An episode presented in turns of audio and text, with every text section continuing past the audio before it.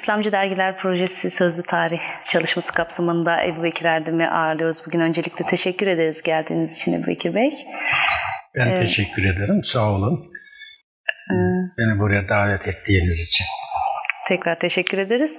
Öncelikle biraz kısaca hayat hikayenizden bahsetmek isteriz. Nerede doğdunuz? Nasıl bir ortamda büyüdünüz? Ee, 1944 Erzurum'un Narman kazasında doğdum. İlkokul 3'te Erzurum'a göç ettik. İlkokul 4'ten itibaren Erzurum Gazi İlkokulu, Erzurum Lisesi de okudum. Erzurum Lisesi'nde 61-62 yılında mezun oldum. Ama iki yıl ben liseden sonra ara vermek durumunda kaldım.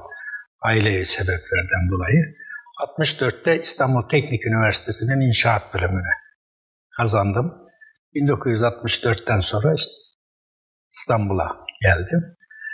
1966 ee, Ocak ayında çıkan Fikir ve Sanatla Hareket dergisinin Nurettin Bey'in yayınladığı batışında olduğu dergiyi birinci sayıdan itibaren Erzurum Talebe Yurdu'nun kantininde tesadüfen karşılaştım. Dergiyi okumaya başladım. Ve 5. 6. sayıdan itibaren derginin idarehanesine gidip dergi yayınlayan, derginin başında olan Erzurumlu arkadaşım Ezeler verdi ve diğer arkadaşlarla tanışınca böylece hayatımızın istikameti hiç düşünmediğimiz ve arzu etmediğimiz arzu etmediğimiz değil mi? Hiç planlamadığımız ve düşünmediğimiz tarzda bir yola kanalize oldu ve üniversiteyi bitirdiğim sonra da Hareket Dergisi ve daha sonra oluşacak dergah dergisi ve camiası içinde hayatımızı sürdürmeye başladık. Peki üniversiteden önce Erzurum'da lise ve ortaokul yıllarınızda nasıl bir ortamınız vardı? Şimdi babam ticaretle uğraşıyordu, mağazası vardı. Babam biraz disiplinli, o zamanki bütün babalar gibi disiplinli biriydi. O da Narman'dan Erzurum'a göçtüğü için sıkı bir e, hayat mücadelesi veriyordu. Ortaokuldan itibaren bizi, bizim o zaman Erzurum Lisesi çift tedrisattı. Saat 15'te, saat 3'te dağılırdı. Üç buçuktan sonra gecikemezdik ve dükkana gider yardım ederdik. Yani lise hayatında da akşamları dükkanda yardım edip gelip evde yemek yiyip yatıp sabah namazında kalkıp ders çalışan bir öğrenci konumunda oldum. Erzurum'da sobalı, soğuk evre rağmen zaten evimizle lisenin arası da yarım saat yürüme mesafesindeydi. E, liseden sonra da abim askere gitti. Abim ayrı bir mağaza açmıştı. O mağazayı benim yönetmek mecburiyetim oldu. Yani ben liseden sonra Erzurum'da bir e, kumaş konfeksiyon, tuhafiye karışık mağazayı yönettim. Ve yaşıma, genç yaşıma rağmen e, çevrenin bu çocuk burayı batırır düşüncelerine rağmen Allah lütfetti. Hakikaten çok başarılı bir şekilde o iki seneyi geçirdik ve Erzurum'un en önemli caddelerinden olan taş mağazaları taşıdım ben. Ama aynı zamanda da sınıf arkadaşlarım bilhassa kadim dostum 60 yıllık Selam Oğuz başta olmak üzere rahmetli Erzurum milletvekilliği yaptım Milli Selamet'ten. E, Zekai Yaylalı doktor. Bunlarla çok yakın arkadaşlığımız vardı. Bunların hepsi üniversiteye gidince benim bütün hayalim tüccar, ticaret erbabı olmak değil, bütün başarılı olmama rağmen. Ve o iki yıl araya rağmen o yıllar hakikaten e, çok gayret isteyen, zor kazanılan teknik üniversiteyi Allah lütfetti kazanınca. Yani bu lise ve o iki yılda büyük bir e, şey, iş ve hayat tecrübesi kazanmış oldum. Zaten çarşıda büyümek, e, çarşıda olmak, o yıllarda daha çok herkes sokakta olmak, sosyalleşme ve hayatı tanıma bakımından fevkalade önemli benim için değil, herkes için. Ben şimdiki çocukların biraz tüp bebek gibi büyümelerine, kendi torunlarım dahil, e, üzülüyorum, onlar adına üzülüyorum. Yani bilgisayarla veya e, kitaplarla veya bir takım kaynaklarla bilgi edinilerek hayat tecrübesi edilmiyor. Hayatın içinde o bilinenlerle yaşarsanız e, bizim öyle bir şansımız oldu evet. Peki e, şimdi lise döneminizde oldukça aktif hayatın içerisinde birçok faaliyette bulunmuşsunuz. E, arkadaşlarınızdan da bahsettiniz. MTTB ile bir ilişkiniz ya da işte milli görüşte bir ilişkiniz var mıydı o dönemde? Nasıl Şimdi e, Hareket Fikir ve Sanatta Hareket dergisi Türkiye'de diyebilirim ki biraz fazla iddialı olsa da hak ediyor. Fikir ve düşünce üreten ve istikbali fikir, düşünce ve insan yetiştirmede görünen bir kuruluştu. Biz de Nurettin Topçu hocamızın yanında bu anlayışlaydık. Dolayısıyla biz aksiyonun içinde olmadık. Aksiyon olanlar daha çok e, Üstad'dan, Necip Fazıl'dan beslenirlerdi. Ama siz üniversite döneminizde dahil Tabii. oldunuz hareket ekibine. Tabii. Öncesinde bir bağlantınız Yok, var mıydı? Yok, ondan önce şöyle, e, liseden sonra mezun olunca... E, Allah rahmet etsin Hacı Süleyman Arı Erzurum'da, Erzurum'da Mehmet Kırkıncı Hoca'nın da ömrünü tamamladığı bir e, medrese binası vardır. Onun alınması ve yapılmasında öncü rolündeydi. O da bizi o yıllarda 60 sonrasında evlerde yasaktan dolayı Risale okumaları yapılırdı. O okumalara katıldım ve o okumalardan hakikaten rahmetli e, Osman Demirci Hoca da o zaman Erzurum'da Mehmet Kırkıncı Hoca bizim evde de yapılırdı. Yani belli evlerde e, toplanılırdı. Genelde 15-20 gününe göre. Ve o yıllarda Atatürk Üniversitesi, Erzurum Üniversitesi'nden de çok e, ciddi genç katılım vardı. Mesela şimdi emekli oldu Profesör Fatih Sezgin. E, iktisat profesörü oldu. Şey, ve o arkadaşlarla büyük bir katılımla daha çok üniversiteli gençler olarak ilk ateşi oradan aldım diyebilirim. Ve zaten o, o şekilde gelerek e, havayla İstanbul'a geldim. Ama İstanbul'da rahmetli Yeni Asya Gazetesi'nin kurucusu Mustafa Nezih Polat'ı da ziyaret ettim. İstanbul'da o çevrede şey bulamadım. Yani oraya e, katılamadım nasıl olduysa.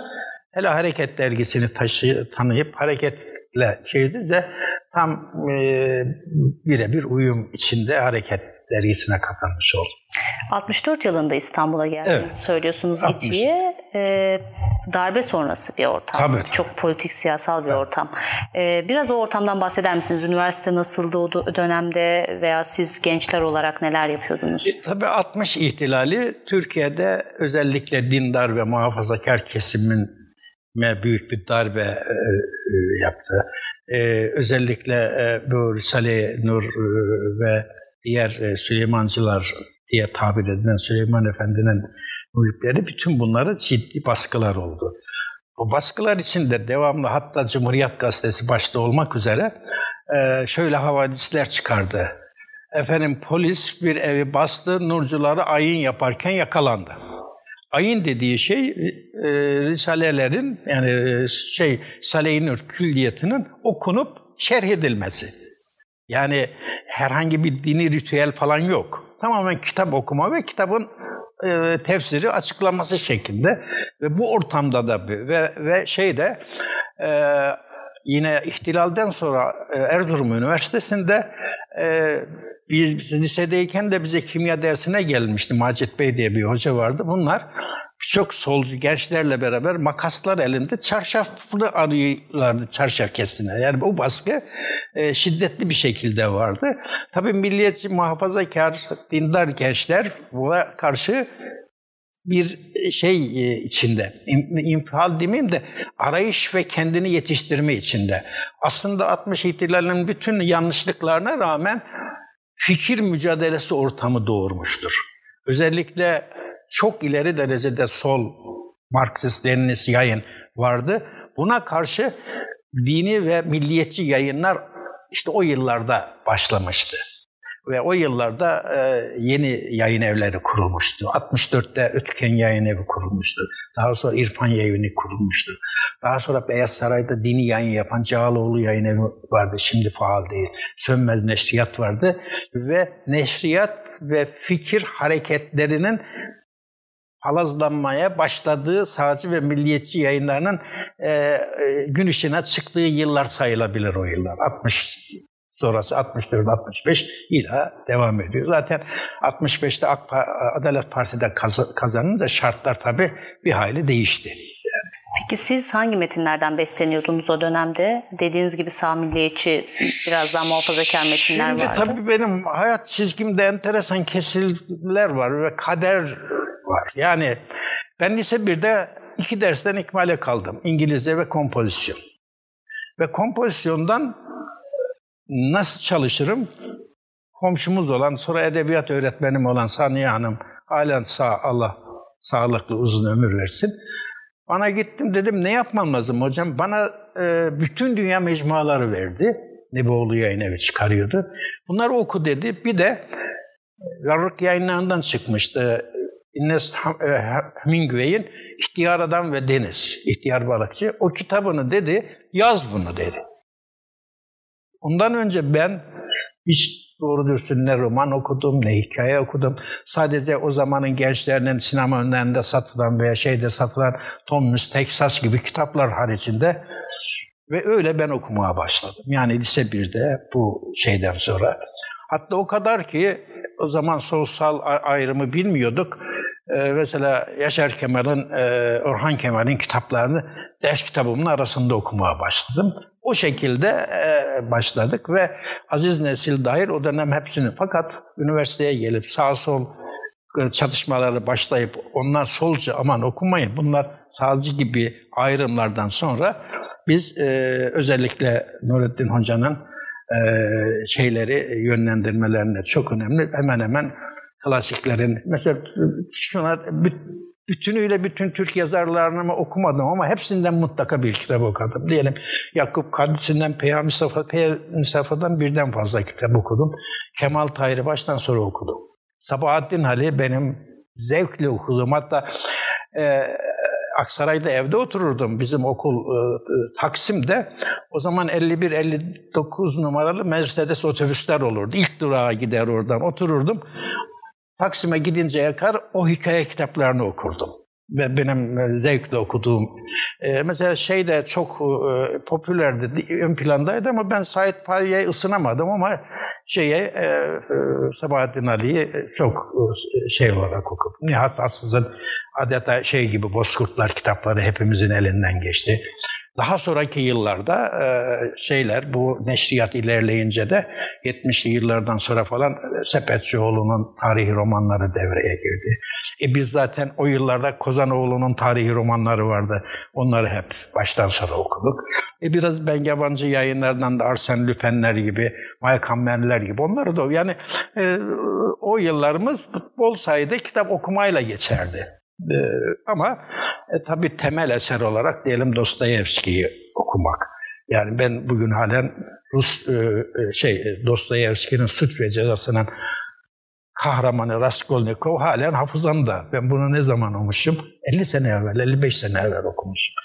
Veyahut e, Karamazov kardeşler Ivan'la Ralyacha'nın 100 sayfalık bir tanrı tartışması vardır. Bunun gibi yani o yıllarda hakikaten biz e, e, muhafazakar dindar çevreler gerçek romanların ne manaya geldiğini anlayamadılar. Yani klasik okumanın e, ne kadar önemli olduğunu. Çünkü klasik de okuduğun zaman mutlaka kahramanlarla bütünleşip sonra iç muhasebe ve içe dönük eyleme dönüşürsün. Yani takriri dışarıdan verilen bilgi gibi değildir roman okumak.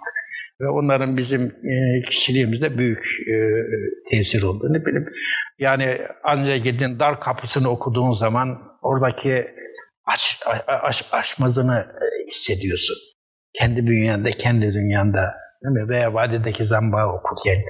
Dolayısıyla ee, şimdi bu bilgisayar neslinin bütün bu romanlardan, bu klasiklerden uzaklaşmasının da çok büyük bir kayıp olduğunu düşünüyorum. Muhafazakar camianın klasiklere çok da temas etmediğini söylediniz az önce. Evet o yıllarda e, dindar çevre hatta şunu diyebilirim ben lisede roman okuduğum zaman ki babam da nihayet şehrin esnafı e, hafızlık yapmış bir adam Ruman der elimizden alırlardı yani.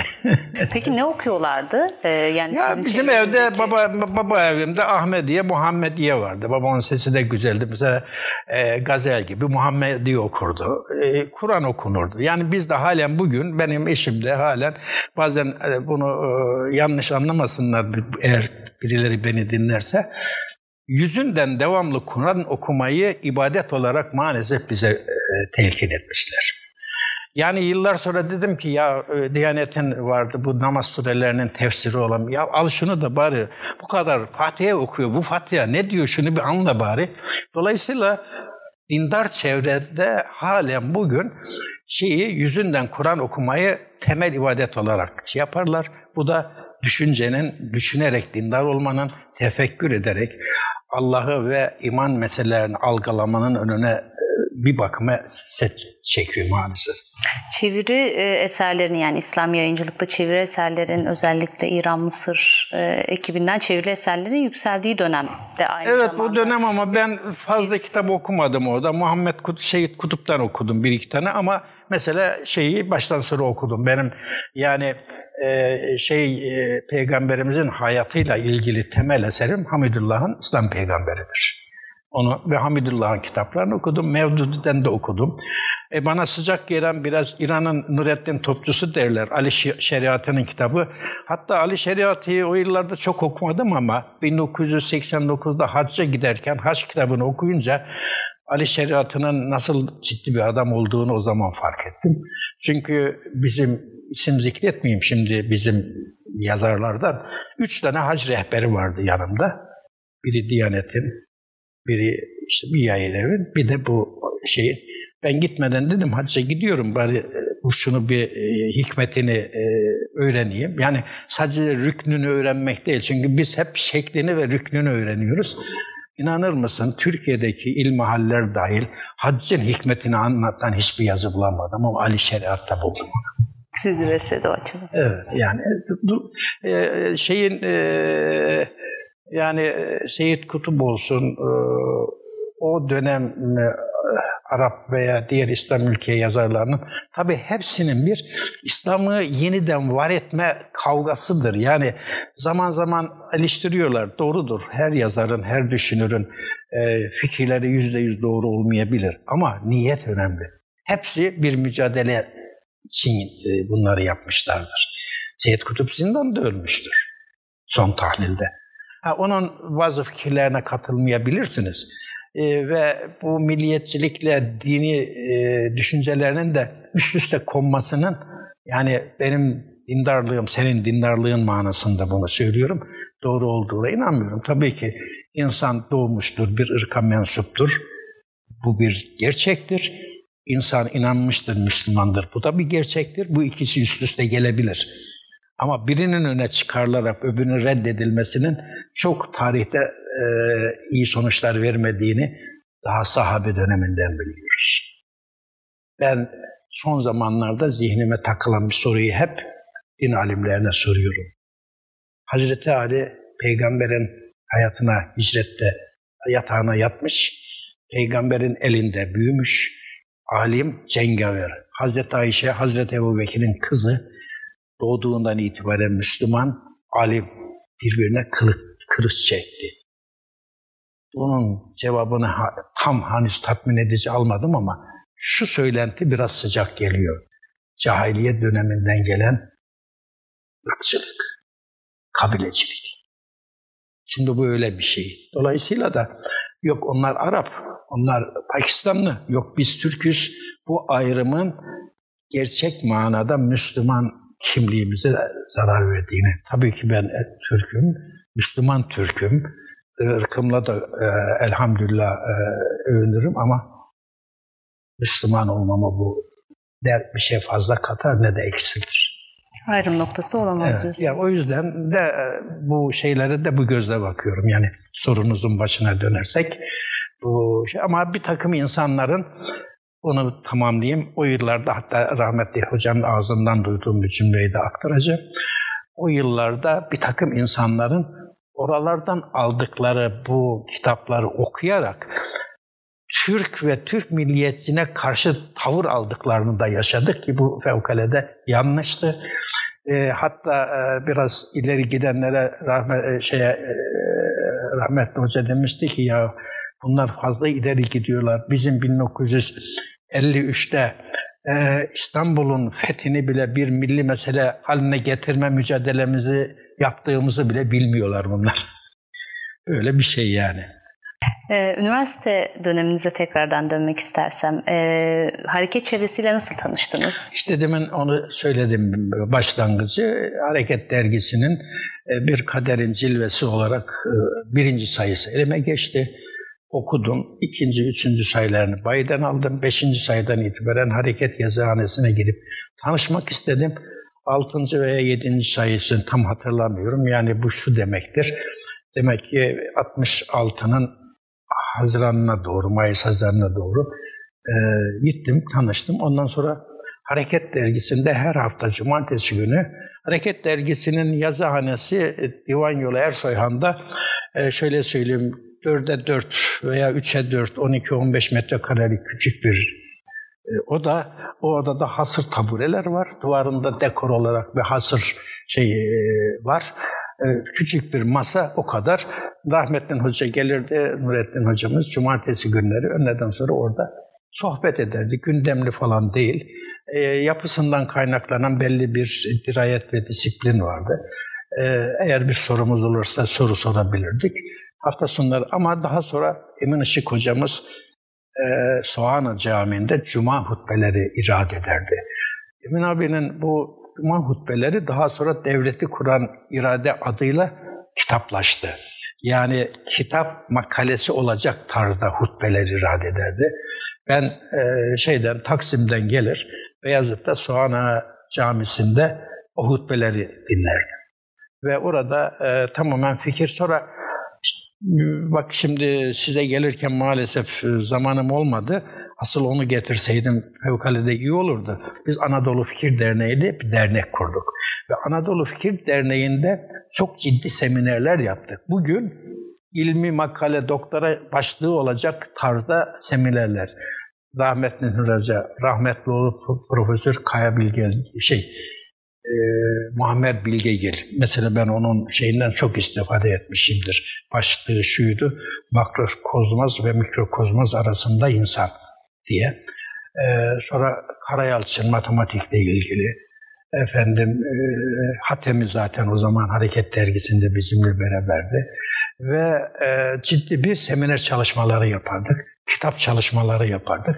Mesela o yıllarda popüler olarak İdris Kömür'ün Düzenin Yabancılaşması kitabı çıkmıştı ve çok enteresandı o e, Sencer Divitçioğlu'nun kitabı, şeyin Türkiye'nin düzeni doğan, yani bizim dışımızda çıkan İsmail Cem'in daha sonraki yıllarda e, Türkiye'nin geri kalmışlık tarihi gibi bizim sağcı milliyetçi kesimin dışında dışa dönüp bir gruptuk biz aynı zamanda. Yani sadece bizim hocanın ve dindar ve milliyetçilerin kitabını okuyor, başka fikirleri, düşünceleri de takip ediyorduk. Böyle bir kültür faaliyetimiz vardı o yıllarda.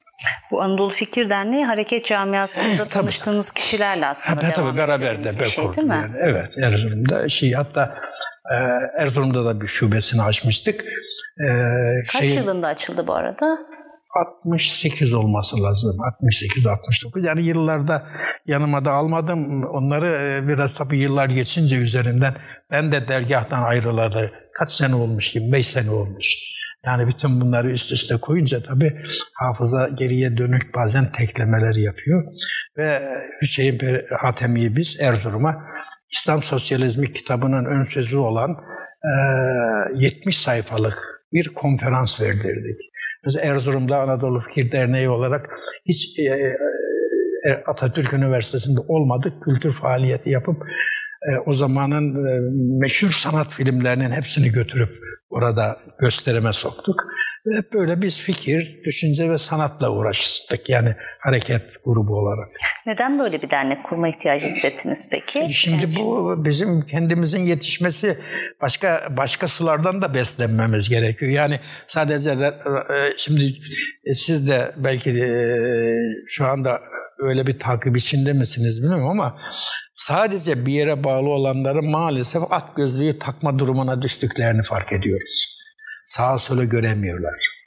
Hele bu bilhassa nurculukta çok daha fazladır. Hiçbir şeye izin vermezler. Abi nedir? Abi nedir? Odur.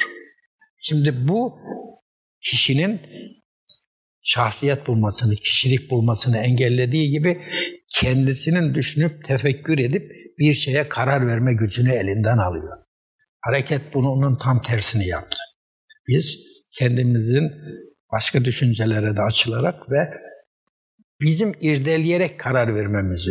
Yani sen kötü dediğin için o kötü değil. Sen iyi dediğin için de ben bir bakayım. Mesela bugün de yapılıyor. Bugün de mesela bilmiyorum isim zikrediyorum ama İslamoğlu hakkında bir sürü laf ediyor. Ben 6 aydır takip ediyorum. Eleştiriyorum da ama dinliyorum. Ne söylüyor anlıyorum. Ondan sonra karar veriyorum. Okumuş yazmış fikri olan arkadaşlarıma söylüyor. Hemen nereden ne duymuşsa şak diye. İşte biz bunun önüne geçmeye çalışmıştık. Yani biz kendimiz okuyalım, anlayalım, düşünelim, karar verelim. Bu da ancak farklı düşüncelere açılıp onları irdeleyerek, onları yorumlayarak, onlar hakkında düşünce serdilerek mümkün. Evet, hareket e, cam, şeyinin e, camiasının böyle bir tavır sergilediğini biliyoruz. O dönemde yine Büyük Doğu var. Mesela Büyük Doğu'dakiler daha e, aktivist diyebiliriz. Evet, aksiyoner, aksiyon yani şeyin tabiriyle e, çünkü üstadın bir konferansının adı iman ve aksiyondur.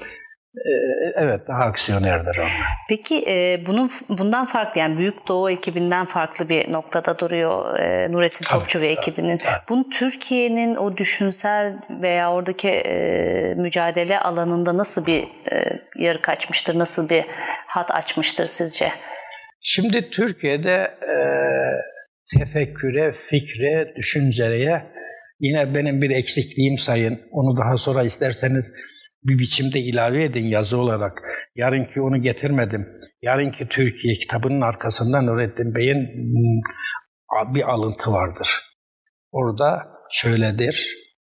Gösterişsiz, numayişsiz maden işçisi olmak. Yarınki Türkiye'nin kurucuları için. Şimdi Nurettin Bey makam, mevki ve dünya işine çağırmadığı için, siyasi ikbale çağırmadığı için, Allah rızası için, hak için insan yetiştirme ve mücadele etmeye çağırdığı için fazla cemaat toplayamadı. Halen de öyledir. Hatta biraz daha ileri gideyim, siyasi ve şey kavgalarının içinde bir sürü insan ondan faydalandı ama onu görmezlikten geldi. O yüzden e, şey bir ayrıca bir şeyde hocanın insanları toplamak, insanlarla grup yapmak, kalabalıklara hitap etmek diye bir derdi olmadığı gibi tam tersi bir anekdot anlatayım. Biz Mesuliyet Dergisi diye bir dergi çıkardık. Sahibi de bendim. 2-3 sayı çıktı sonra devam etmedi. Bu dergiyi çıkardık. Çıkarmak istedik. Hocayla, Ezel Bey'le konuşuyoruz. Hocayla karşı duruyor. Hastik etmiyor. Niye böyle? Hocam diyorum bakın teknik üniversitede arkadaşlarım var. Şimdi sizin de tanıdığımız popüler bir isim var zikretmeyeyim. Bunları getiriyoruz diyor. Hareket dergisi ağır geliyor. Bizim seminerler ağır geliyor. Fakat onların günlük sosyal meseleler, siyasi meseleler hakkında da fikir elde etmek istiyorlar. Buna ihtiyacımız var. Bana dedi ki kaç kişisiniz teknik üniversitede? Valla iki geçmiş gün hatırlamıyorum ama dört demedim. iki veya üç. Oo, onlar yetişsin yeter. Nurettin Bey böyle bir yaklaşım içinde. Dolayısıyla cemaat içinde arayanların ve bu işe ilgilenenlerin ulaştığı bir isim oldu hep. Hareket dergisinin o yıllarda abonesi hiç 1500 olmadı. Peki siz harekette yazıyor muydunuz? Benim bu soruyu sorma ya. Bu soru bana ağır bir soru. Benim öbür dünyaya giderken gözü açık gideceğim tek konu budur. Birçok e, mesuliyet dergisinde bir iki yazım çıktı. Bu özel okullara o zaman karşıydık onunla ilgili. Bir de bir başka konuda. E, ben bütün gayretlerimle rağmen yazar olamadım. Yani konuşurken bazen de hiç ummadığım şekilde ağzımdan bazen benim de beğendiğim laflar çıkabiliyor. Fakat bunu bir yazılı metne dönüştürmeye yeteneğim olmadı. Ve bu manada da hakikaten çok üzgünüm. Peki Ezel Bey ile tanışıklığınız nasıl İşte dergiye giderek tanıştım. O 5. 6. sayılarda gittiğim zaman e, sahip olarak, yönetici olarak Ezel Bey vardı. Mehmet Doğan vardı. Halen kadim dostumuz. 68'den sonra Mustafa Kutlu Erzurum'da mezun oldu. Sonra öğretmen oldu Tunceli. Oraya ziyarete gittik. Mustafa Kutlu, Muzaffer Civelek, efendim Dursun Özer o dönemde beraber olduklarımız. Şimdi tıp tıp profesörü oldu. Tamer Şuar, Mehmet Sılay. Mehmet Sıla'yı belki duyuyor, duyuyorsundur doktor. E, Bekir Soysal Erzurum'da. Yani e, bu arkadaşlarımız vardı. Hep bunlarla beraber olduk yani.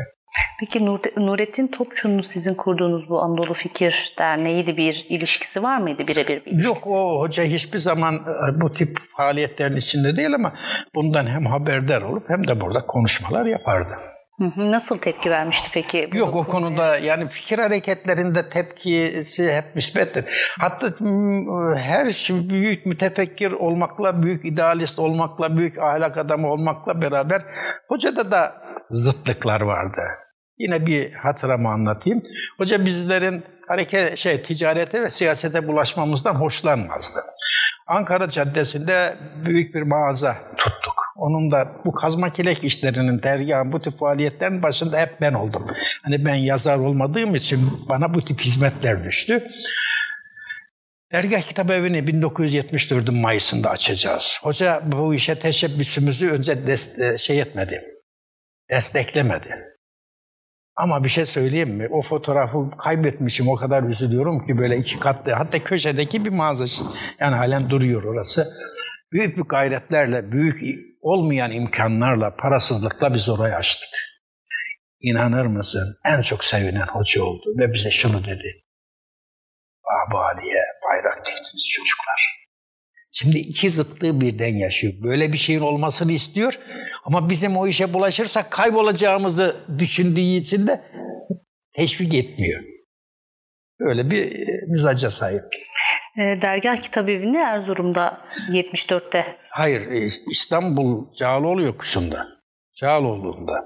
Erzurum'da vardı Ankara oraya girmedik. Yani kitap evine gidersek baştan anlatırım onu. Sadece hocayla alak alakalı olduğu için yani 1974'te İstanbul'da açtığımız Cağaloğlu yokuşunda açtığımız dergah kitabı. Ama öncesinde e, var. bir hikayesi var değil Eğer mi? Eğer onu sorarsanız dergah kitap evleri hakkında da bilgi veririm. Yani biz şimdi tabii birçok şey yapmaya çalıştık.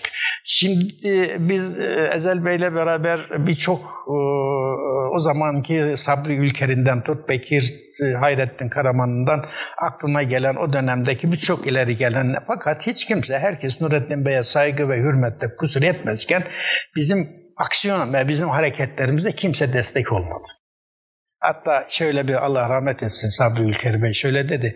Bak dedi ben büyüt yapıyorum. Bir sefer yanlış yapsam dedi. ikinci sefer düzeltirim. Ama siz kitap yayınlıyorsunuz. Ya bir yanlış yaparsanız nasıl düzelteceksiniz? Ama o daha sonra Boğaziçi yayınlarını de destekledi mesela.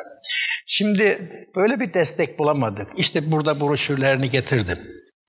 Bu broşürlerde Türkiye'de ilk defa boyumuzdan büyük projelerimiz vardı. Türk Dili Edebiyat Ansiklopedisi, İslami Bilgiler Ansiklopedisi, Sosyal Bilgiler Ansiklopedisi diye düşündük sırayla. Ama bütün bunlar finansman istiyor, para istiyor. Ne yapalım? Bu sefer bu kitap evleri işine bulaşmamızın sebeplerinden biri de kendi paramızı kendimiz kazanalım. İlk defa Ankara'da Zafer Çarşısı'nda ihaleye girip tamamen solcuların olduğu yerde bir tek biz sağcı olarak, dindar olarak kitap evi açtık. Sonra 72'nin e, Ekim veya Kasım'ında ben Erzurum'a mezun olup gitmiştim. 3 sene 71-74 arası Erzurum'da kaldım. 71-74 arası. Ee, orada Erzurum Dergah Kitap Evi'ni kurduk. Bir de tavukçuluk e, şeyi kurduk. Tavukçuluk kolay az parayla çok e, para kazanılır diye oradan da para kazanacağız. İşte bu kültür ve yayın faaliyetlerimizi sürdüreceğiz. Hepsindeki amacı dava. Yani da, dava delisiyiz hepimiz. Dava için ne yapıyorsak yapıyoruz. Ee, sonra 74'te Ezel Bey beni İstanbul'a çağırdı. İstanbul Dergah Kitabı Evi'ni kurduk 74'te Dergah Kitabı. Daha sonra Bursa'yı, daha sonra Malatya'yı Afyon'a ve Antalya'ya dergah kitabı evi kurdu arkadaşlarımız. Ama biz bir şeyh disiplini altında değiliz. Ayrıca da iyi organize olmuş profesyonel tüccar ve ticaret erbabı değiliz. İlk defa başlayan bu şey e, dükkan zinciri maalesef çok ileriye gidemedi. Yani eğer e, malum şu anda kötü andığımız kurumlar gibi başta bidat edilmiş şeyhler olsa onlar götürüyorlar. Ama biz e, maalesef e, o arzu ettiğimiz şey ve bu arada e, yine e, şey için e, para kazanabilmek için Ezel Bey'in e, rahmetli olduğu doktor Tayyip Cilvişli Verem Hastanesi ve onun böyle canlı hayvan e, mantra denemeleri var. Oradan duymuş. Gidelim Erzurum'da 4 ayda 5 ayda bir mantra kuralım. Oradan para kazanalım diye bir de öyle bir maceraya atıldık. Yani bunların hepsi bir şey kazanalım da bu kitap, kültür, yayın hizmetlerimize daha ileriye gidiyor. Çünkü hayalimizde gazete çıkarmak da her şey var. Ufkumuz geniş ama cebimiz delik. 70'lerin başında Ankara'da dediniz önce Zafer'de. Evet, ilk, ilk Kurdunuz. Ankara Zafer Çarşısı'nda. Kimler vardı ekipte kurarken? Siz? İşte o zaman yine aynı arkadaşlar. Ezel Bey, Ezel Bey var. Ankara'da o zaman Dursun Özer abi vardı. O benden bir iki sınıf öndeydi Teknik Üniversitede. Askere gitmişti o yıllarda Mehmet Doğan Ankara'daydı. Ee, Oradan da bir e, eleman bulmuş. Şeyde Tuncer Engin Ertan vardı. Nurettin Topçu Bey'in yeğeni. Ali Demirel'in de damadı oldu sonradan. Onlar Ankara'daydı. Onlar destek veriyordu. Ha, Ankara'da Tevfik Kürek Göncüler diye hukukta okuyan bir arkadaşımız vardı. Yani hepimiz öğrenci, şey hayata atılmış cebinde de parası olan değil işte e, dava aşkına e, bir araya gelen insanlardık. Hatta o ihale olayını Mustafa Kutlu bir hikayesinde anlattı. Yani Ankara'da o kitap evine ihale, şey, ihaleye girip e, orada o kitap evi kurma faaliyetimizi ya, o hikayesinin bak, başlığını hatırlamıyorum ama Mustafa Kutlu o maceramızı bir hikayeye döktü. İstanbul'a döndükten sonra yayın evine bir şekilde devam ediyorsunuz Tabii tabii. Yine. Dergah kitapçılığın başına geçti. Cağaloğlu'nda mı? Cağaloğlu'ndayız. Dergah yayınları ayrı bir kuruluş oldu. Dergah kitapçılık ayrı bir şirket oldu. Zaten daha sonra 77'de de derya dağıtımı kurduk yine. Onların hep yayın evinin değil de kitap evinin ve şeyin e, dağıtımların hep faaliyetini organizesi görevi bana verildi. E, Cağaloğlu'nun böyle e, ortamının her görüşten yayın evinin bir şekilde biriktiği bir ortam olarak Yok. E, şimdi Cağaloğlu'nda milliyetçi, e, sağcı bir biz varız. İnkılap Kitabevi, Remzi Kitabevi, Kana Kitabevi Musevi, e, Kült Kitabevi Musevi, e, efendim e, ders kitabı yayıncıları var, e, Arık'ın kitabevi var. E, orada e, şey halen devam ediyor. Şimdi dilimin ucunda söyleyemiyorum. Yani bizden başka yok. Dini yayınlar Beyaz Saray oluştuğu yıllarda Be Beyaz Saray'da Ötüken var. Ötüken'de şeyde bir bürosu vardı. Cağaloğlu sayılır o. Nur Osmaniye Caddesi'nde. Ee, bir de şey vardı. E, İrfan yayın evi. E, o da e, Milli Türk Talebe Birliği'nin karşısındaydı. Yani daha sonra bizim dindar insan yayın evleri gelişti. Bir de Sebil vardı tabii. Sebil vardı. Onun dışında e, dini yayınlarının hemen hemen tamamı Beyaz Saray'daydı. Peki sizin Cağaloğlu'nda diğer yayın, diğer görüşteki yayın evleriyle bir irtibatınız, temasınız var mıydı? Tabii tabii. Herkes de vardı. Zaten 77'de falan e, e, Ötüken'in e, öncülüğüyle de anda dağıtım kuruldu. Yani e, e pardon 77 mi dedim? Evet 74'ten sonra tabii. tabii. Yani e, bu 71 inkılabından sonra da e, tevkifat olunca bu sağ sol kavgası yapanlar yine yeniden bir ciddi okuma dönemi başladı. Hatta diyebilirim ki ülkücülerin çok okuma dönemi 71 tevkifatından sonradır. Ülkü ocakları falan hep o zaman büyük okuma seminerleri yaptı. Yani 68-69 kuşağı denen o kavgalı döneme 71 hareketi son verdi. 71 ile 77 affına kadar da yine bir okuma yoğunluğu oldu toplumda.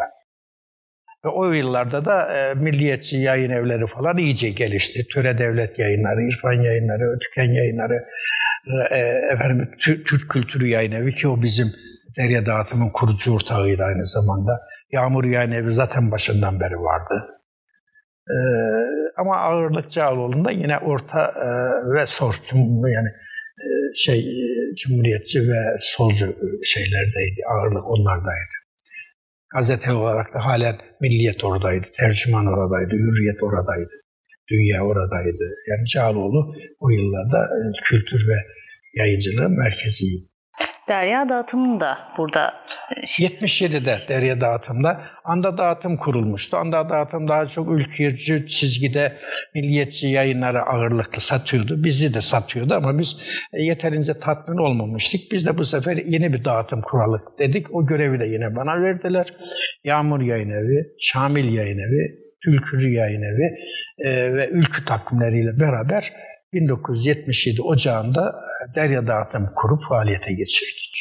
Peki bu Rahşan affından sonra biraz daha ileride e, bu sağ sol çatışmaları ile birlikte Cağaloğlu'ndaki o herhalde havza biraz dağılıyor.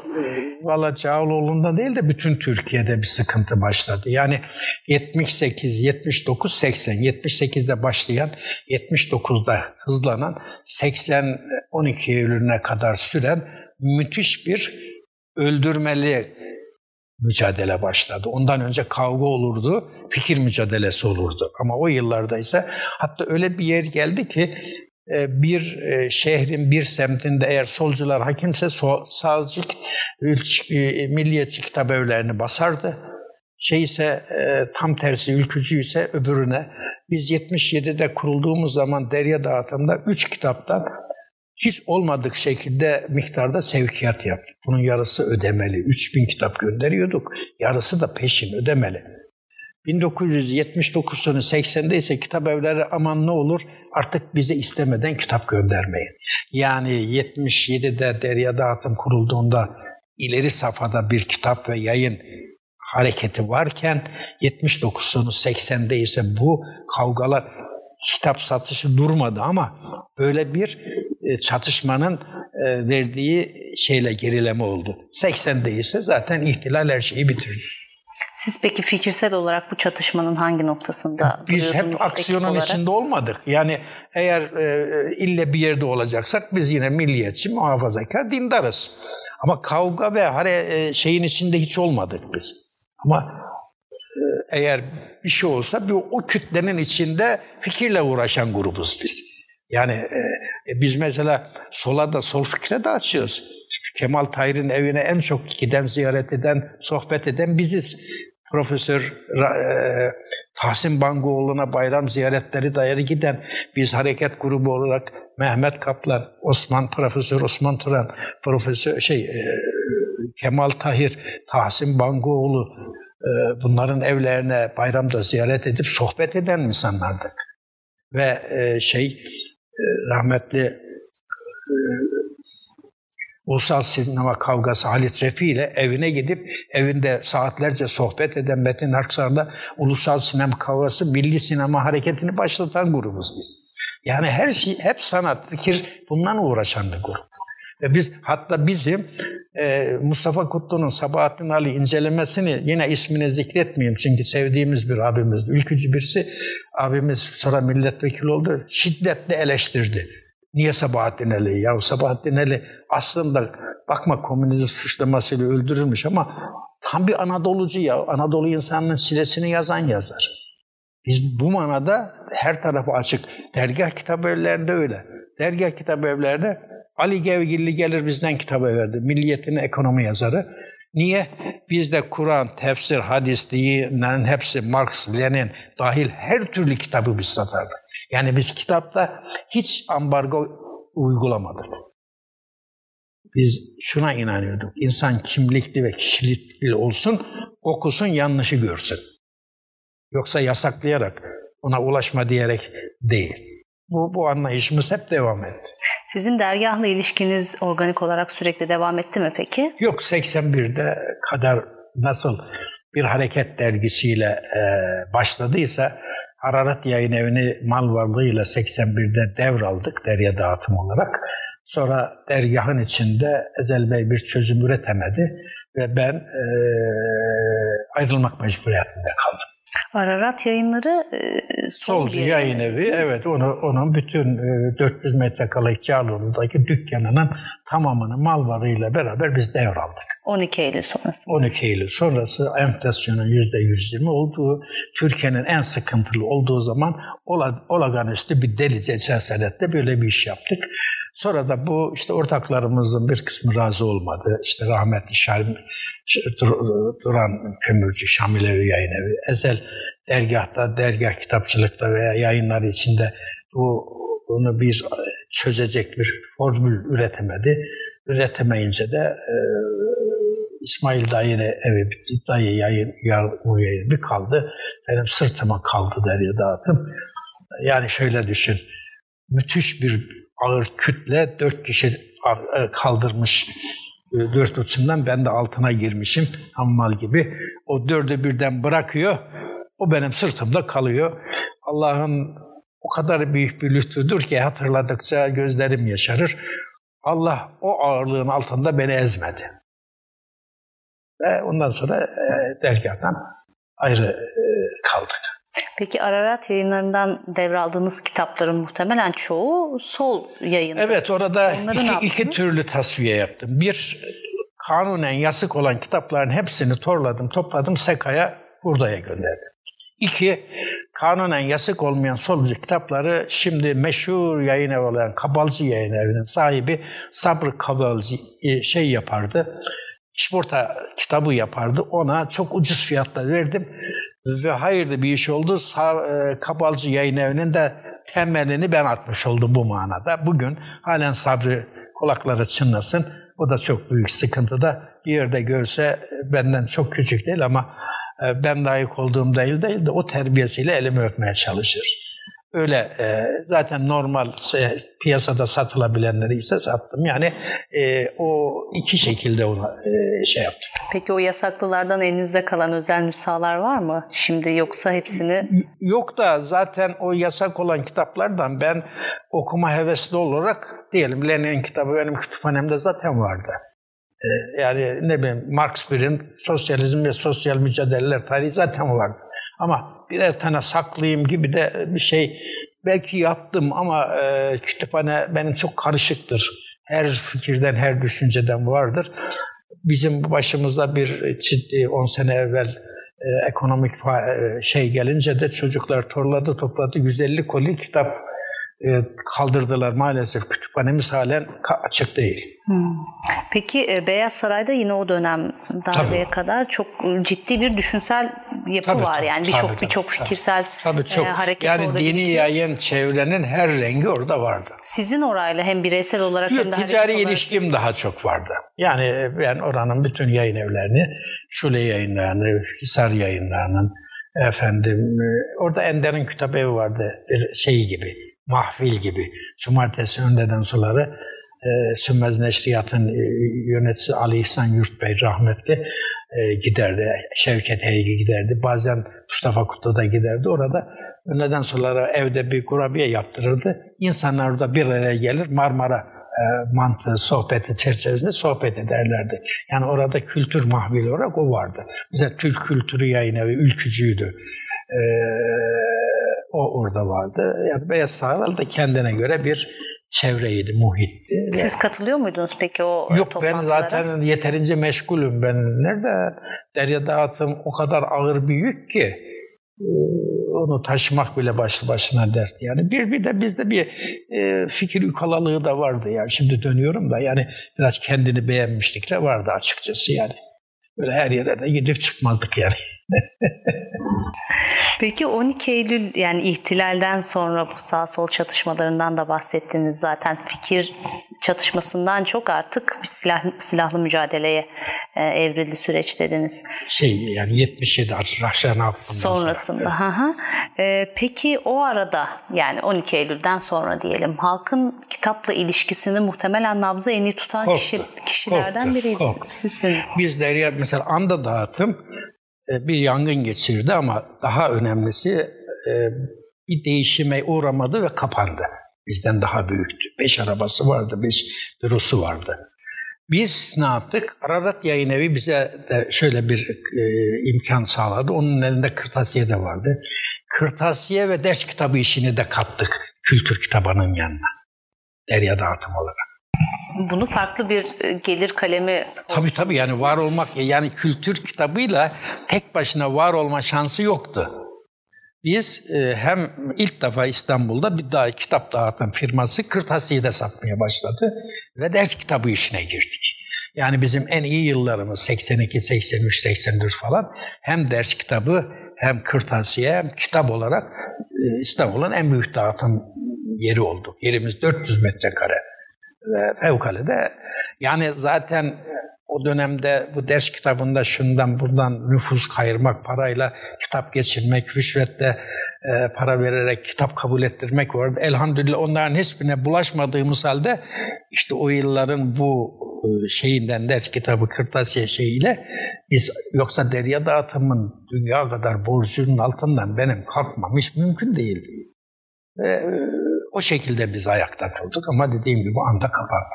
Siz Anadolu'nun da nabzını tutabilme tabii, tabii ben vardı. E, 64'ten sonra e, iki tane dağıtım arabası yaptırdık çok güzel ve bütün Anadolu'yu önceden vardı pardon bütün Anadolu'yu gezdim ben Derya'da. Pardon yanlış söyledim, düzeltiyorum. 77 kurulduktan sonra ben ara kamyon sırtında yani 50'nin üstünde vilayeti bizzat gezdim. Ve o yıllarda hakikaten Anadolu'da kitap evleri, tüccar kitap evleri vardı, kaliteli kitap evleri vardı. Entelektüeli münevverlerin, okumuş yazmışların e, buluştuğu, dergi aldığı, sohbet ettiği yerler vardı. Hep bunlar 80'de kayboldu. Her şehirde böyle bir tane iki tane yer vardı. Hatta e, kavgalardan ülkücülük, akıncılık şey ayrılınca da e, işte dindarlar ayrı bir yerde, e, ülkücüler ayrı bir yerde olurlardı falan diye. Ama bu vardı. 80 sonrası bunların hepsi kalktı. Peki böyle hatırlayabildiğiniz anekdotlar var mı? En çok giden kitaplar Anadolu'da neye talep e Şimdi devir devir yani şeyde 60 sonrasında daha çok Marksist, sol, sosyalist fikri muhtevalı kitaplar oldu. Ondan sonra ülkücülük ve milliyetçi yayınlar başladı. Milliyetçi kitaplar işte o zaman fazla bir şey yoktu. Ne, e, ilk defa e, Erzurum'da Hürsez kitabı evi açıldı. E, gittiğim zaman rafa bak baktığımız zaman 50-60 tane milliyetçi sağ kitap ancak vardı. İşte Yarınki Türkiye, Ali, Baş, Ali Fuat Başkin'in kitapları, e, e Nihat, Nihal Atsız'ın kitapları, Açtan Sayılgan'ın Solun 94 yılı bilmem böyle çok az sayıda vardı. Ama daha sonra mücadele esaslı, aksiyon esaslı kitaplar, tabii Necip Fazıl'ın şeyleri e, ön plana çıktı. Yani şeyler e, işte Sepetçioğlu tarihi e, kitaplar çıktı. Töre Devlet Yayınevi'nin kitapları, Tarık Buran'ın kitapları, milliyetçi kitaplar arasında. E, sonra fikir kitabı olarak Erol Güngör'ün kitapları ülkücü çevrede ciddi neşvinima buldu. Ahmet Avarsi'nin kitapları vardı ve çok kitap satışı oldu yani o dönemlerde. Ankara'da Töre Devlet yayınları vardı. Emine Işın Soğuksu'nun kitapları. Yine bu aksiyonlara katılmamak üzere Sami Hayver'de hanımefendinin şeydeki kitapları vardı. E, ve e, hem yayın evi arttı hem kitap sayısı arttı. Ama e, bu e, şeyleri mesela benim kızım Melike Hanım İmam Hatiplere kız öğrenci alınmasının ikinci yılında girdi. Yani birinci, ikinci yıl. Ondan sonra İmam Hatiplerde kız öğrenciler arttıkça onların ihtiyacı olan romanlar devreye girdi. Süle e, Yüksel'in kitapları baskılar yaptı. Ee, Hekimoğlu İsmail'in Minyeli Abdullah'ları baskılar yaptı dünya kadar. Bunlar hep sonuçta özünde e, ekonomi şey aksiyon olan, mücadele olan kahramanlarının şahsında kitaplar. Sonra Ahmet Günmez Yıldız çıktı. Uu, aldı. Belki sen de okumuşsundur. Yani bütün e, hemen hemen e, İmam Hatip nesli kızlarının hepsinin elinden geçti. E daha sonra tabii bizim dergahta Mustafa Kutlu e, çok önemli. E, Mustafa daha edebi eser olarak ön plana çıktı. Sami Ayverdi'yi saydım. Sonra Sevinç Çokun vardı. Yani hem yazar sayısı hem kitap sayısı çok arttı ve, bayağı, e, ve o yıllarda dediğim gibi 64'te başlayan 70'e doğru gelişen sonra 74'ten 80'e kadar tekrar gelişen bir çizgide ciddi kitaplar satıldı. Bir de işte e, madalyonun öbür tarafında bizim çok doğrudan ilgili olmadığımız ama Seyyid Kutup, Mevdudi kitapları e, şey e, yani Arap müelliflerinin kitapları devreye girdi ama bunların benim e, şeyle çok okuduğum ve saygı duyduğum Ahmet Hamidullah tabii başta olmak üzere o şeyler e, işte beyan yayınları, çağrı yayınları yani çok yayın evi kuruldu. Hareket dergisinin dağılmasını çok e, detaylandıramadık aslında. Hareket dergisi Hareket, dağılmadı. Yani e, hareketin o bitiş sürecini ya da o sonlarında ha, şöyle, var mıydınız? Siz? Şöyle tabii Hareket dergisi şöyle oldu. E, 1973-74'te e, Nurettin hocamız, e, Topçu hocamız Hareket dergisinin bu değişim şartlarında çok da mutlu değildi yani çok devam eder etmesi bakımından. O da böyle hani kapatalım mı kapatmayalım falan derken yani 73-74'te e, Hareket Dergisi faaliyetini sürdürmedi. Yani öyle bir dağılma tarzında değil.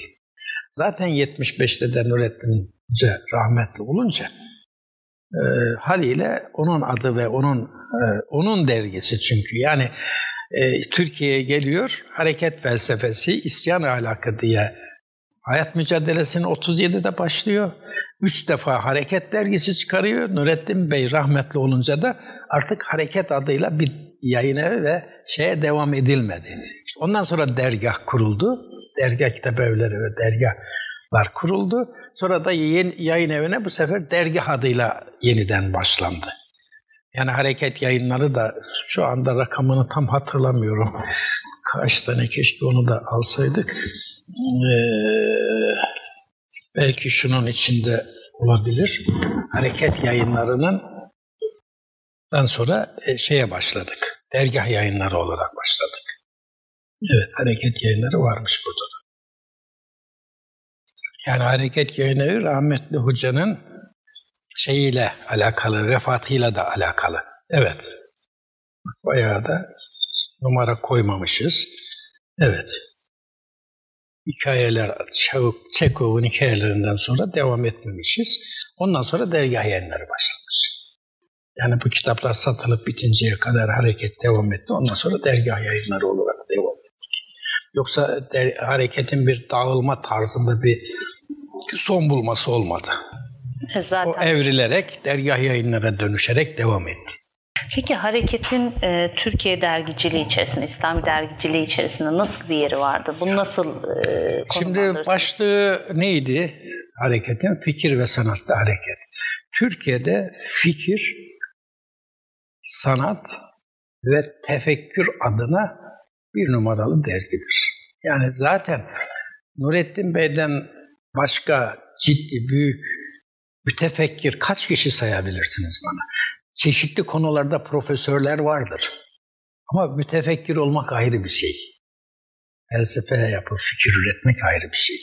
O manada e, çok dediğim gibi fikirle, düşünceyle ilgili herkes Nurettin Topçu'yu ve hareketi bilir, takip eder. Fakat kendi meşrebi, ideolojisi ve fikriyatı çerçevesinde onu şey etmez, değerlendirmez. Tarık Dursun diye Milliyet'te yazar, solcu vardı. Bizim dergiyi takip ederdi. Derdi ki saklayarak okurdum çünkü birileri görünce şey eder.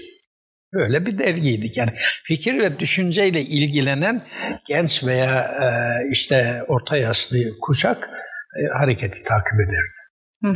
Peki siz bu biraz daha e, geriden alınacak bir soru olacak. İTÜ'de okudunuz. Erbakan da İTÜ'de o dönemde e, hocam hocalığı o döneme mi tekabül ediyordu? Yok. O Sizin irtibatınız yok. oldu mu orada? Yok olmadı. Yani o ayrılmıştı ve 68'de e, şeyin başkanı oldu. Türkiye Odalar Birliği Başkanı ve siyasete AK Parti'den, Adalet Parti'den girmek istemişti, olmamıştı.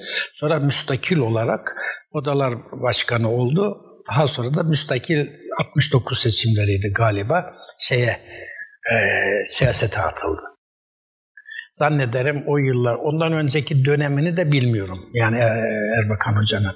Zaten o şeye girmeden e, önceki döneminde de e, pek aktif e, e, şeyi yoktu. Yani asıl onun hareketi bu söylediğim yüzde yüz doğru olmayabilir. 68'den sonra başlıyor yani. Peki sizin siyaset? Ben takip ettiğim e, fikirlerine saygı duydum ama yüzde yüz katıldığım biri değildi. E, Emin abinin tabiriyle çok erken din, dini gelişmeyi siyasete katılarak dini gelişmeye zarar vermiştir düşüncesi vardır Emin Işık Hocam'da. Siz de buna katılıyor muydunuz? Belli miktarda. Ama e, karizması, Türkçeyi çok güzel konuşması, zekası, İslam davasını savunması bakımından Erbakan Hoca'ya saygı duymamak mümkün değil. Nurettin Bey'in de e, zaten e, siyaset buna benzer bir görüşü vardı yok, değil mi siyaset açısından? o, onun şahsına olan e, şeyi e, eleştirisi yoktu. Fakat siyasete buluşmasını, siyasetini eleştirirdi. Nitekim isimsiz olarak ağırda bir yazı yazmıştır hareketin son sayılarında. Dini sömüren siyaset adıyla. Bu şeye mi Erbakan? Evet hareketi? yani o ve onun gibi yani yani tamamen dine dayanarak Türkiye layık cumhuriyette siyaset yapmanın e, şey olduğunu düşünmezdim. Yani mesela Demokrat Parti veya Özal veya bugün şeyin e, yani dinin siyasetini yapmakla dindar olarak siyaset yapmayı ayırmak lazım. Ben de Türkiye Cumhuriyeti ekonomisiyle, kanunlarıyla, hiçbir şeyle İslam'a uygun olmadığı halde İslam adına burada siyaset yapmak İslam'ı kullanmak anlamına gelebilir. Ama ben Müslüman olarak ve Müslüman ahlakı taşıyarak bu sistem içinde ahlaklı bir siyaset yapabilirim. Bu ayrım halen yapılmıyor hareket ekibi olarak e, siyaset bağlamında biraz bu buna yakın. Tabii siyaset hareketin dünyasında yok. Fer, harekete mensup olan bir ferdin dünyasında olabilir. Ebu Bekir Erdem'in dünyasında olabilir. Ama hareket grubunun, hareket fikriyatının, Nurettin Topçu fikriyatının doğrudan siyasete yönelik bir şey yok. Ama siyaset hakkında demokrasi hocanın Devlet ve Demokrasi diye kitabı var siyaset ve demokrasi hakkında fikir sahibi olmakla siyaset yapmak ayrı bir şey. Ee, sizin 73'te MSP ile bir irtibatınız oluyor aktif. Şöyle işte ben Erzurum'dayım. Benim yakın arkadaşım, lise arkadaşım, e, sadece sınıf arkadaşları değil de yakın dostum Allah rahmet etsin Zekai. Milli Selamet Partisi'nin kurucu üyesi. O beni teşvik ediyor. Ben siyasete girmiyorum. Kim dediniz? Doktor Zekai Yaylalı e, o iki dönem, üç dönem milletvekilliği yaptı. Hatta beni şeye bulaştıran da odur. Anavatan Parti kur, kuruculuğuna. E, ben ona ona yardımcı olarak yani partiye girerek değil, o faaliyet, o siyasi faaliyetlerine yardımcı olmak tarzında şeyim vardı. Ailece olarak hatta biz hep destekledik Milli Selamet Partisi'nin o ilk e, hareketine. O manada şeyimiz var, katılımımız. Onun bir de demin sözünü ettiğim gibi iki sene sonra belediye başkanı seçimlerinde Fahrettin Bey'in e, siyasi e, propagandasına yardımcı olmak üzere İstanbul'dan geldim. 74 bir 75 olabilir. E, o, o, o, onun dışında Milli Selamet Partisi ile doğrudan doğruya ilişkimiz olmaz ve aşım arkadaşımız, dostumuz, aynı muhitin insanlarıyız. O manada irtibatlarımız oldu. Peki sonra devam etti mi Yok. bu arenada çalışmaları? Yok işte sadece 83'te Anavatan Partisi'nin kuruculuğunu yaptı. Ee, bu hikayeyi biraz daha detaylandırabilir miyiz peki? Nasıl yani o da şöyle, e, Marifet Yayınları sahibi Ziya Beliran'da e, rahmetli Özal e, parti kurarken Şişli'de Sadıklar Apartmanı bir yerde büro açmıştı. O da onun özel kalemi gibi çalışıyordu. O sıra Mehmet Yazar, o da rahmetli oldu. O parti kuracaktı. İşte bu Demirel'in çizgisini takip eden, ana e, Adalet Parti'yi takip eden çevreler onun üzerine yoğunluk şey ediyordu. E, kurdu, kuracak falan derken kıyamete uğradı. Şey 80 e, şeyleri izin vermedi ona. Bir gün cuma namazı hiç unutmuyorum. Ziya Bey geldi bana takıldı. Ya siz bu dere, dergahçılar var ya hiç işe yaramazsınız. Sadece oturur teş, e, tenkit edersiniz, eleştirirsiniz. Bak şimdi dedi şey kurulmadı. Bütün şeyin e, Adalet Parti'nin eski yüzüleri gelip bu partinin içine dolacaklar. Aynı günlerde Tercüman Gazetesi'nde bir haber okudum. Erzurum'u kuracak iki kişi var. İkisini de tanıyorum. Biri eski Adalet Parti milletvekili avukat. Onlar da benim de tasvip etmediğim adamlar. Bu haberi size peki dedim Mayıs ayı. Bizim zaten sezon ölüyor dedim. Ben parti siyasete girmem ama Özal'la da tanışmıyorum. Beni Özal'la tanıştır. Siz e, Erzurum'u kurmaya yardımcı olmaya çalışırım. Kalktık gittik Sadıklar apartmanına. Süreyya Taşçıoğlu şeyiydi, Sivas milletvekili oldu. O da rahmetli oldu. Ondan özel beni kabul etti. 45 dakika görüştük. Şey etti yani e, bana gel dedi, Ankara'ya gel dedi. Yani nasıl olduysa demek ki bir şey yapabileceğim kanaati üzerine hasıl oldu. İki gün sonra gittim Ankara'ya. O da rahmetli oldu. Veysel Ataş o zaman teşkilattan sorumlu başkan yardımcısı. Aa dedi seni arıyorduk. Hayrola dedim ben siyasetle alakalı değilim. Niye? Zeka ile konuştuk. Zekai dedi ki Ebu Bekir'i bulun o size yardımcı olur diye tavsiyede bulunmuş meğer. Oraya gittik. Ondan sonra Özal takdim etti. Orada beş kişi işte. Şimdi isimlerini tek tek hatırlamıyorum. Devlet Bakanı oldu biri. Birisi Adalet Bakanı oldu. Yani şeyin kurucu heyetinden beş kişi. Anavatan Partisi'nin Güzel dedi ki beş vilayet Bekir, Ebu Bekir'e verin. Dedi ki efendim ben siyasete aktif katılmayacağım. Fazla da vaktim yok. Ben size bir tek Erzurum konusunda yardımcı olabilirim. Ondan sonra verdiler dosyayı elime. Meğer daha önce Veysel Beyler gitmişler Erzurum'da. Bu sonra kimse Özal'ı ne ciddiye alıyor ne bir şey olacağını zannediyorlardı. Allah nasip etti. Ramazan sıcak Haziran ayı nasıl günde iki buçuk saat uyuyarak rahmetli Zekai'nin yazıhanesinde oturduk. 10 günde ben bu Erzurum İl Teşkilatı'nı kurabildim. Getirdim Ankara'ya takdim ettim. Böylece de Anavatan Partisi'nin ve Anavatan Partisi'ne de yine kaydım yoktu. Yani ben Anavatan Partisi üyesi değildim. Sadece dışarıdan yardım ettik. Ondan sonra irtibatlarımız oldu ama yine partinin içine girerek aktif siyasetin içinde olmadık kuruculuğunu yaptıktan sonra Yaptı, devam yok. etmediniz. Yani hatta birçokları benim işte milletvekili olacağımı hatta bir şey daha söyleyeyim. Rahmetli babama şey Korkut Özel gelmiş. O Milli Selamet zamanında Korkut Bey'e biz destek olduğumuz için babamla tanışıyor. Ya demiş Bekir niye siyasete girmedi? Biz onu Kültür Bakanı yapmak istiyorduk demiş. Doğru yanlış bilemem. Bu, bu laflar her zaman siyasetçilerin her lafına da şey edilmez yüzde yüz. Böyle o mecra orada bitti. Ondan sonra devam etmedim mi daha? Neden şey, devam etmediniz peki? Yani, yani benim mizacım bir, bir defa çok uygun değil siyasete.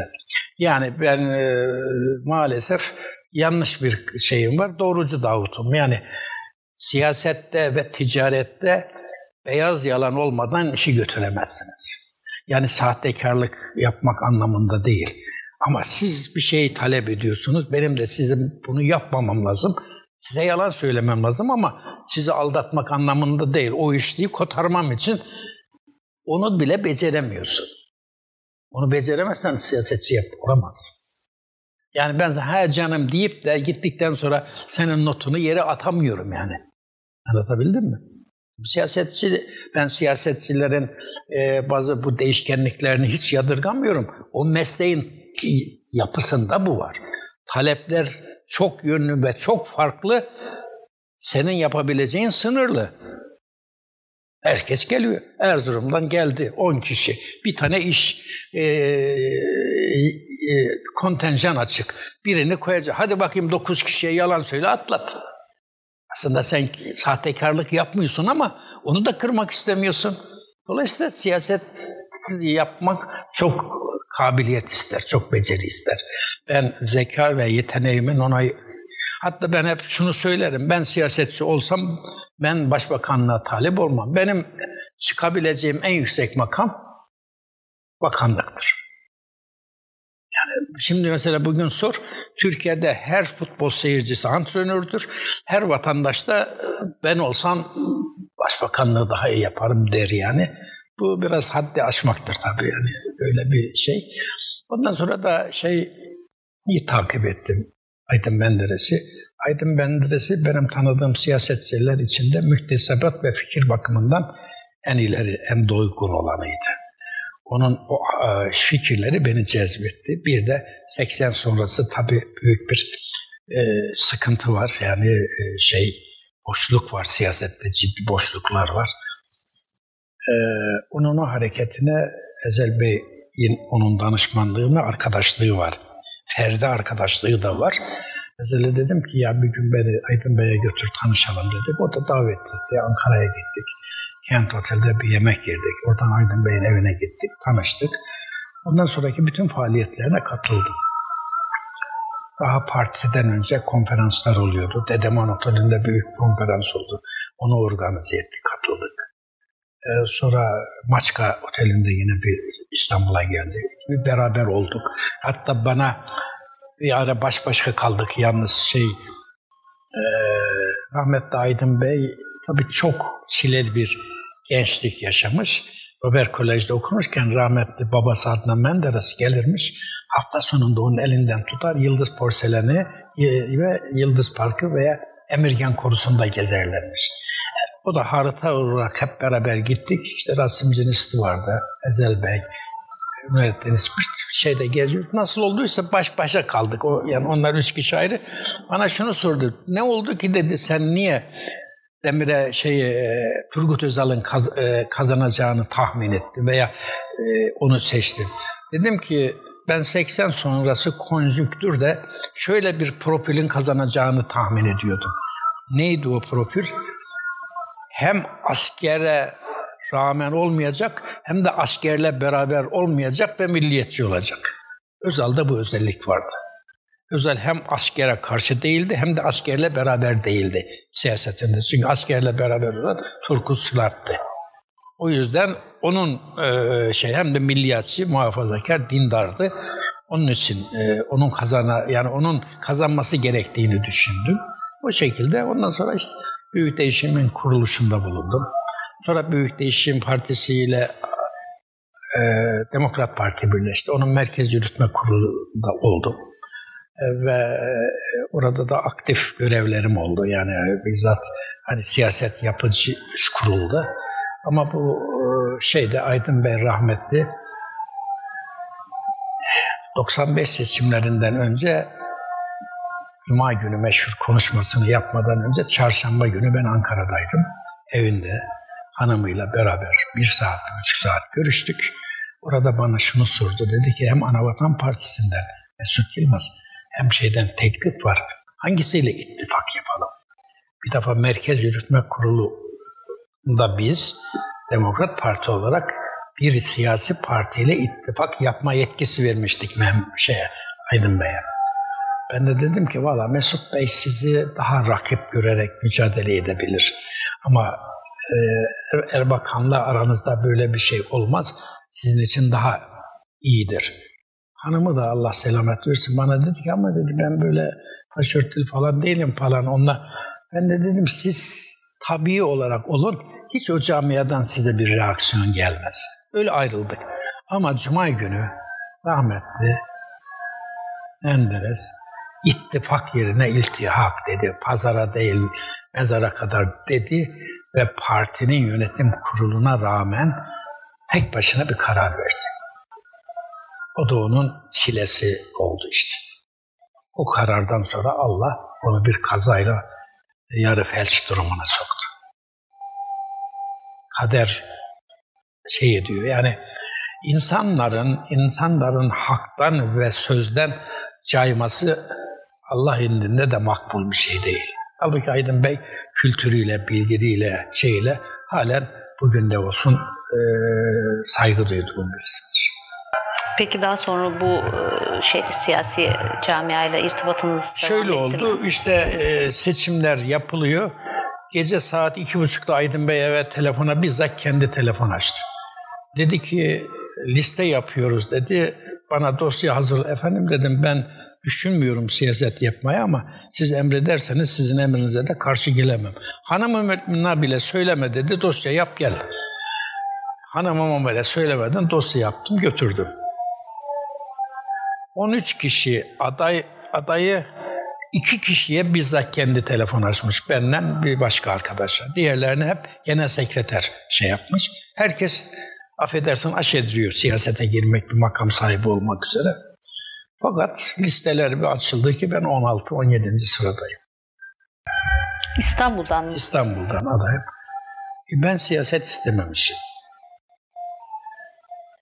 Hadi bu böyle ama ön plana konulan sonra milletvekili olan iki adam ne parti içinde e, hizmet etmiş ne de olması gereken adamlar. Bir de o olunca Metin Aşık diye bir gazeteci ne partimizde ne hiç alakası yok. Nasıl oluyordu o listeye giriyor şey diyor. Baktım ki yok bu benim demin anlattığım mizacıma hiç uymuyor.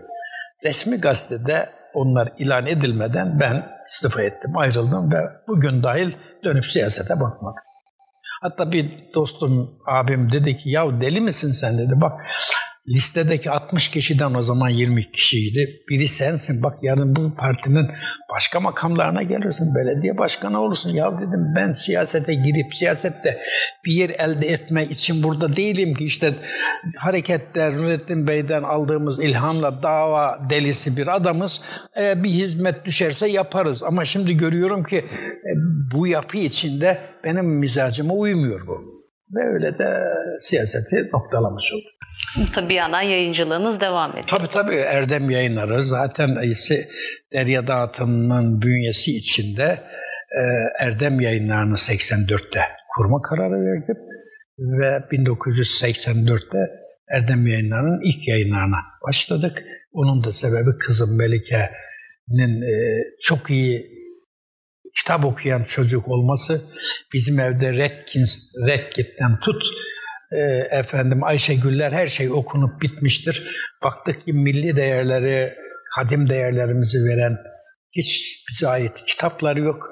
O ihtiyaçtan hareketle e, öyle bir kafamda fikir vardı. Tam o sırada Mustafa Ruhi Şirin Derman Bayladı diye TRT'de çocuk programı yapan, masal programları, canlı programlar yapan adamın dosyalarını bana getirdi. Benim de kafamda bu fikir olduğu için onları satın aldım parasını verip koydum bir kenara. Bir sene sonra da Mustafa Ruhi'ye dedim ki bak anayasaya şey kondu, din kültürü ahlak ders mecburiyeti kondu. Benim kafamda 100 kitaplık bir ilkokul 4 orta sona kadar çocuklara hitap edecek kitap projesi var. Bunu yapar mısın? O da geldi. Mustafa Ruhi ile beraber yani onun editörlüğü ve çalışmasıyla ilk defa Erdem Yayınları'nın 100 kitaplarının meşhur klasiklerini yayınladık. 30 küsür sene sonra halen bugün o kitaplar değerini muhafaza ediyor. Böyle Erdem Yayın yani Derya Dağıtımı'nın yanında bir de Erdem Yayınları'nı kurmuş olduk. O dönem yine muhafazakar camiadan çocuk yayınları yapan başka e, yayın evleri var mıydı?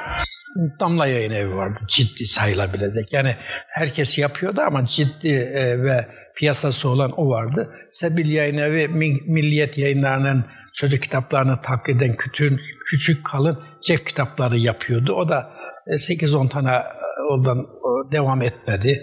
E, başka denemeler var ama işte Abdurrahman Dilipak o sıra şey Milli Gazete'de o şey onun akrabasıydı Hasan neydi işleri bak. Onunla beraber bir dağıtım ve yayın işi yapıyordu. Onlar bir e, deneme yaptılar ama e, bizim tarafta ciddi sayılabilecek kaliteli bir tek damla yayın evi vardı. Peki Erdem yayınları hala devam eden bir yayın evi ve bunun başarısını nereden e, okuyabilirsiniz? İşte bu, bu hareket noktası yani biz yaptığımız işi halen hizmet mantığıyla yapıyoruz ve o yüzden de hiç ne çok kar ediyoruz ne de zengin oluyoruz ama ayakta duruyoruz. Çünkü piyasa işi, piyasada çok satılan, popüler şeylerden ziyade iyi şeyler yapmaya çalışıyoruz. Melike kızım da işin başına geçti. Aynı ölçüleri kullandı.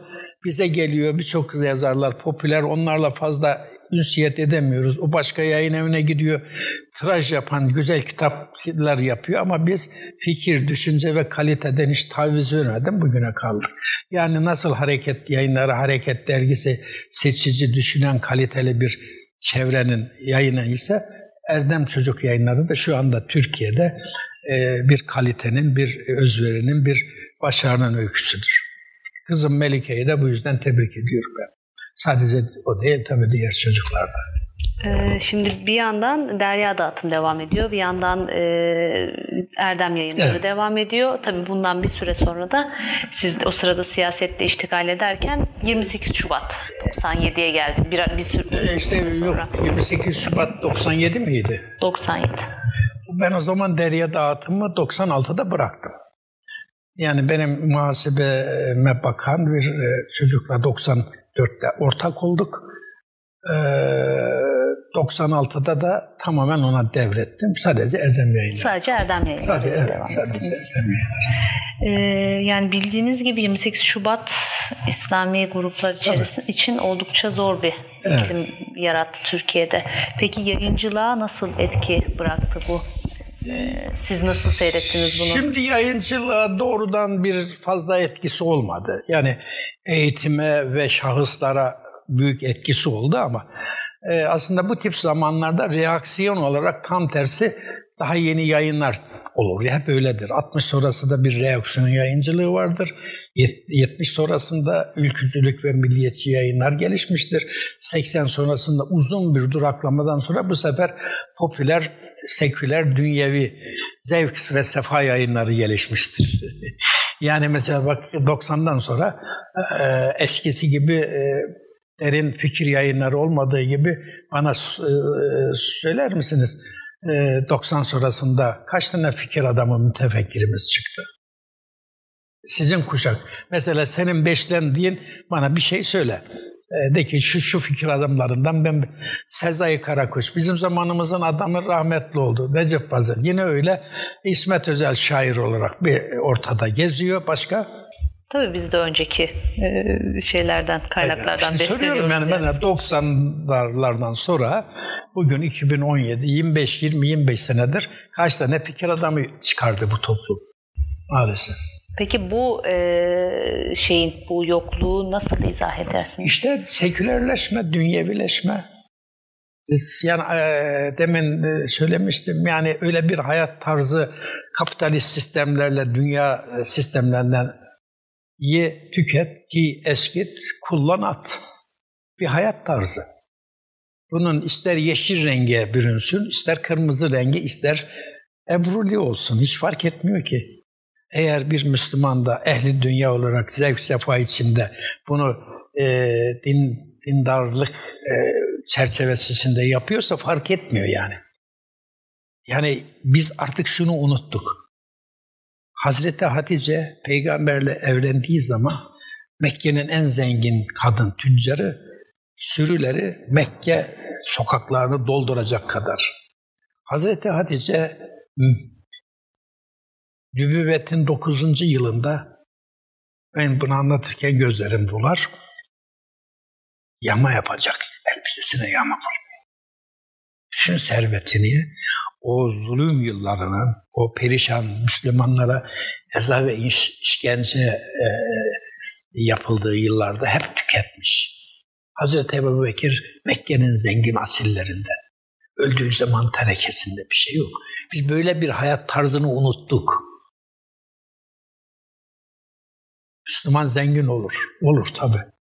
Ama Müslüman zenginliğini nefsine kullanmazsa tabii ki olur. Ama Müslüman zengin olur nefsine kullanırsa benim arabamda maalesef jip, jiple biner fukara da orada sürünürse benden nasıl Müslüman olur? Şimdi mesele bu. Değerlerimizi peygamberin 23 yıllık Kur'an merkezli hayat tarzından almay almıyoruz.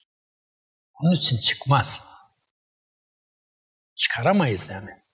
Sonra da nefsimizin ve şeytanın ihvasına dayanarak hep mazeret buluruz. Öyle ama, iyi ama, ben de öyle düşünüyorum ama ile izaha çalışırız her türlü yanlış tutumumuzu. Tesbihi çok çekerek, bol miktarda yüzünden Kur'an okuyarak işgal altındaki Amerikan Arap işgalindeki Mekke Medine'ye 10 defa, 20 defa, 30 defa umre yaparak biz çok iyi dindar olduğumuzu düşündüğümüz sürece bizden mütefekkir çıkmaz. İran'da adi şeriatı, Türkiye'de Mustafa şey Nurettin Topçu yerini bulamaz. Olay bu yani. Aslında biraz bu laflar ben benim ağzımdan çıkıyor ama benim haddimi aşıyor onu da söyleyeyim. Yani benim müktesebatımın söyleyeceği laflar değil ama böyle ağzımdan çıkıyor yani. Aslında bir genel değerlendirme yapmış oldunuz yani hani çok e, temelde bir noktaya değinmiş oldunuz ama e, sizin hareketle birlikte başlayan ve bugüne devam eden hem düşünce e, serüveniniz hem de Türkiye'nin Türkiye'deki Müslümanların İslami hareketlerin bu serüvenini kısa bir değerlendirme yapabilir misiniz? Şimdi mesela bizim hareketten İsmail Kara çıktı. İsmail Kara çalışkan, doğru düşünen, hocayı çok iyi bilen, iyi bir derlemeci. Ama İsmail Kara mütefekkir mi? Böyle bakmamız lazım. Mustafa Kutlu iyi bir hikayeci, mütefekkir değil. Mustafa Kara yine aynı şekilde. Emin Işık yok. Şimdi hareketten kim çıktı? Yani yok yani. Yani Nurettin Bey'in takip ederek mütefekkir düzeyde şimdi ama Mustafa İsmail Kara hakikaten saygıdeğer iyi bir derlemeci, iyi bir araştırmacı, iyi bir inceleme kitapları yazan bir arkadaşımız. O kadar. Biraz fikir üretmeye çalışan, o da kendi karakterinden, yapısından e, mülhem biraz şey yapıyor. O da e, bazen savruluyor İsmet Özel. Yok böyle bir şey. Yani bir şey var. Yeniden düşünen, yeniden e, Kur'an'ı, dini, bütün dünya birikimini algılayıp, değerlendirip İslam ve Kur'an çerçevesinde bir şey vaaz eden bir mütefekkir yok şu anda. Var mı? Varsa söyleyen hemen gidip onun e, yaşıma rağmen dilimizi olayım, öğrencisi olayım.